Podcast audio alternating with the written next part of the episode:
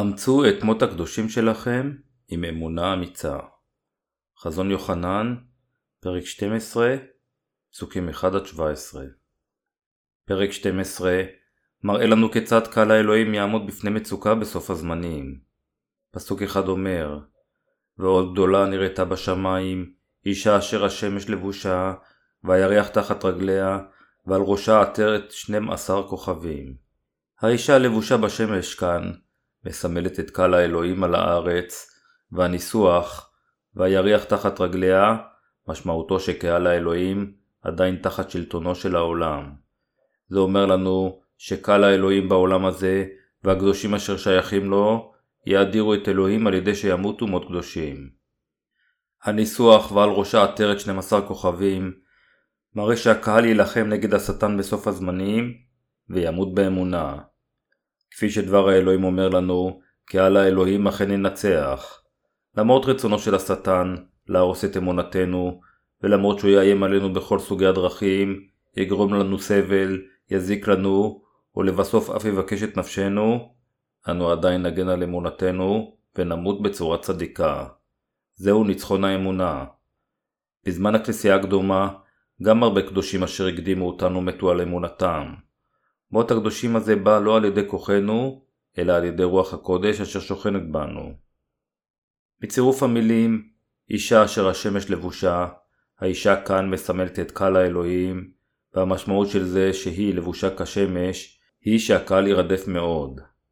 אפילו תוך כדי המצוקות והמכות של סוף הזמנים, הקדושים יגנו על אמונתם בחוזקה, ולעולם לא ייכנעו לשטן. מדוע?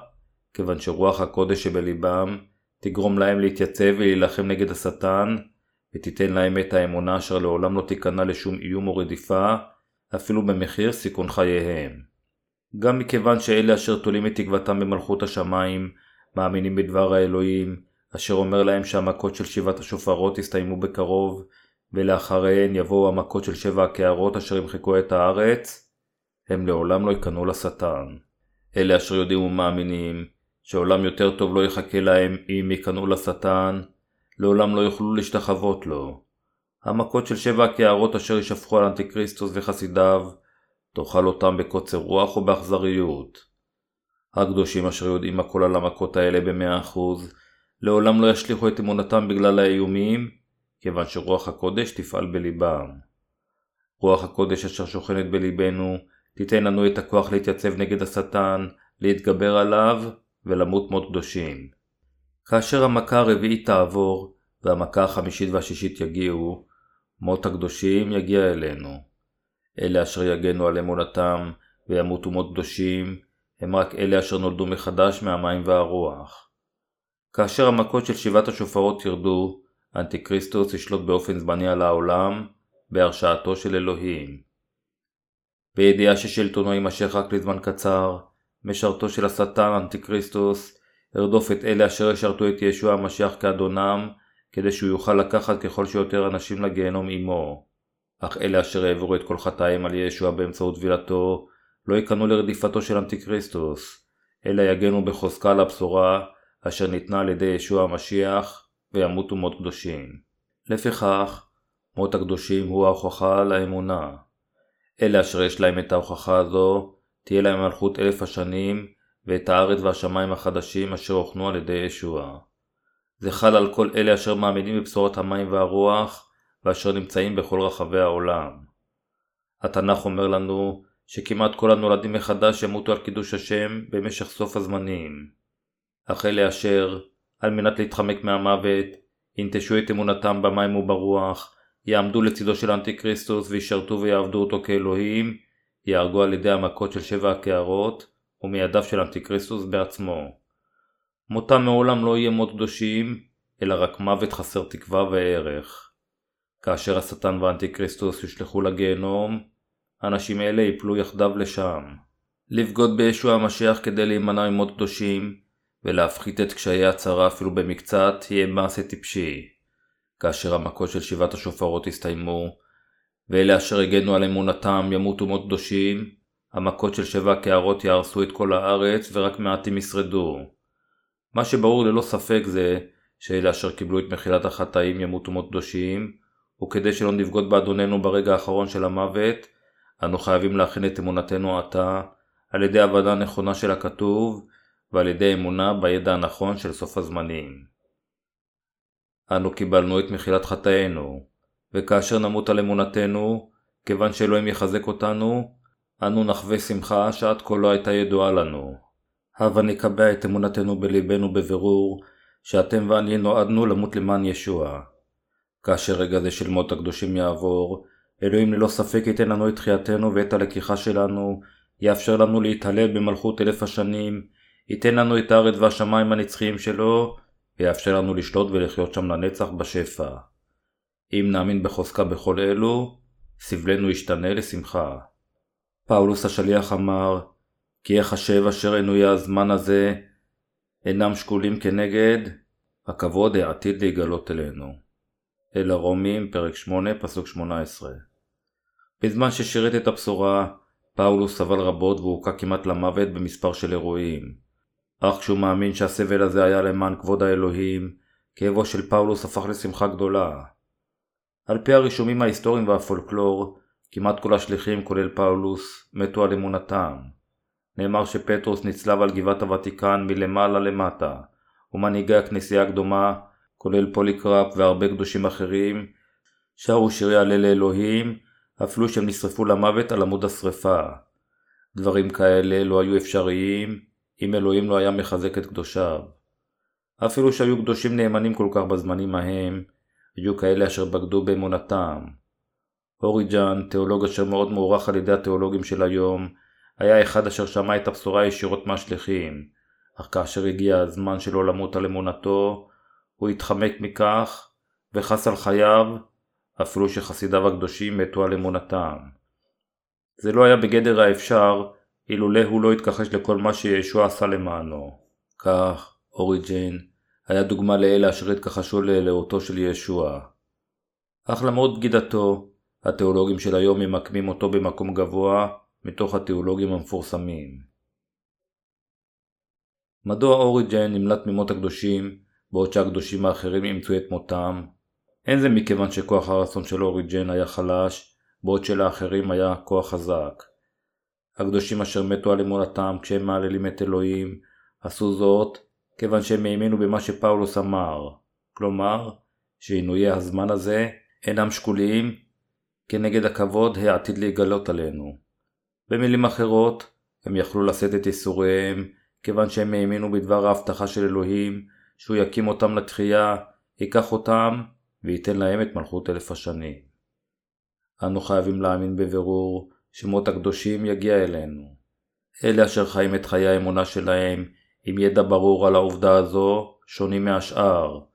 לאלה אשר מאמינים שתמונת הקדושים אשר מתו על אמונתם מהתגלמותם, יכולים להיות חיי אמונה חזקים, מעוררי כבוד ואמיצים, כיוון שכל דברי התנ"ך יהיו אז סיפורם שלהם. הם חיים תמיד עם האמונה אשר יכולה לאמץ את מות הקדושים, כלומר, הם חיים תמיד באמונה שאחרי מות הקדושים שלהם, אלוהים ייתן להם את תחיית המתים, ייקח אותם, וייתן להם את השמיים והארץ החדשים, אשר הוא תכנן והכין בשבילם מראש. אלה אשר מאמינים בכך, יכולים תמיד לחיות חיי אמונה אמיצים, מפני שהם יודעים שאמונתם מכינה אותם לסופם, שהם יהיו מסוגלים למות כשהם מהללים את אלוהים. ומכיוון שזה אינו דבר פשוט של דוקטרינה, אלא של אמונה ממשית, אלה אשר לא יאמינו בכתוב הזה ובבשורה, יהיו הראשונים למכור אותנו לאנטי כריסטוס. זוהי הסיבה לכך, שברגע שאתם ואני נבין שאנו עומדים למות מות קדושים, זה כה חשוב לנו שאחינו ואחיותינו בקהל האלוהים, אשר יש להם אותה אמונה כמו שלנו, יהיו עמנו יחדיו לעד. משרתי האלוהים, אנשיו וקהלו, כל אלה גם מאוד יקרים לנו. לקדושים בזמן הכנסייה הקדומה הייתה אמונה רצינית ומוחלטת יותר מאשר לנו, אשר חיים בסוף הזמנים. הם האמינו במות הקדושים שלהם, בתחייתם שתבוא לאחר מכן, בלקיחתם, במלכות אלף השנים ובשמיים וארץ החדשים. זוהי הסיבה שהם חיו את חיי האמונה שלהם כאילו הם חיו למעשה בזמן הצרה הגדולה, כאילו חזרתו של ישוע ממשמשת ובאה. לכן, כאשר אנו החיים בזמן שתקופת הצרה הגדולה ממשמשת ובאה, קוראים עליהם, סיפוריהם נראים לנו כריאליסטיים וחיים, כיוון שגם הם ידעו והאמינו בכל דבר האלוהים על הצרה, על מות הקדושים שלהם, תחייתם ולקיחתם. כיוון שאנו חיים למעשה את חיינו כאשר סוף הזמנים מתקרב אלינו, ואנו יכולים לראות בעינינו, אנו חייבים להכין בחוזקה בלבנו את אמונתנו במות הקדושים. השטן יאתגר כל מי שמאמין במים ובדם של המשיח, וינסה להניא אותו מאמונתו. כדי לא להיכנע לאתגר הזה של השטן, אנו חייבים לכרוך את בשורת המים והרוח לליבנו, לחזק את אחיזתה עוד פעם עם תקוותנו לשמיים והארץ החדשים, ולוודא שהאמונה הזו שלנו אינה רופפת עד לרגע מות הקדושים שלנו. הסיבה לכך שהקדושים של תקופת הכנסייה הקדומה הגנו על אמונתם בנואשות, זה מכיוון שהם גם ידעו והאמינו בדבר הכתובים על הצרה, על מות הקדושים שלהם, תחייתם ולקיחתם. גם אתם ואני נמות מות קדושים. אני אמות וגם אתם. אנו כולנו נמות כשנגן על אמונתנו. ייתכן שאני אהיה הראשון שיגרר וייהרג.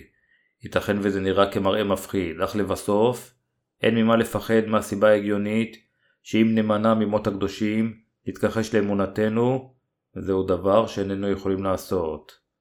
בסופו של דבר, אלוהים יקבל תהילה באמצעות מות הקדושים שלנו, והוא קבע את זה כגורלנו. לכן, זהו דבר שאנו חייבים לעבור לפחות פעם אחת. כיוון שאיננו יכולים להימנע או להימלט מלעבור את זה, במקום זאת, הבה נרוץ אל זה בשיא כוחנו, ונקפוץ אל זה באומץ. יש לנו שלטון מלכים שלאף אחד אין, ויש לנו גם תקווה לברכות נצחיות. לפיכך, אנו תמיד יכולים להתפלל לאלוהים שייתן לנו כוח ולתת לו אף יותר תהילה. על ידי שנאמין ללא פחד במות הקדושים שלנו, אנו נקבל שמחה גדולה יותר מאי פעם. זוהי תהילה גדולה לאלוהים וברכה גדולה בשבילנו. אלוהים כתב את ספר חתון יוחנן כדי לספר לנו על מות הקדושים, התחייה, הלקיחה, מלכות אלף השנים והשמיים והארץ החדשים.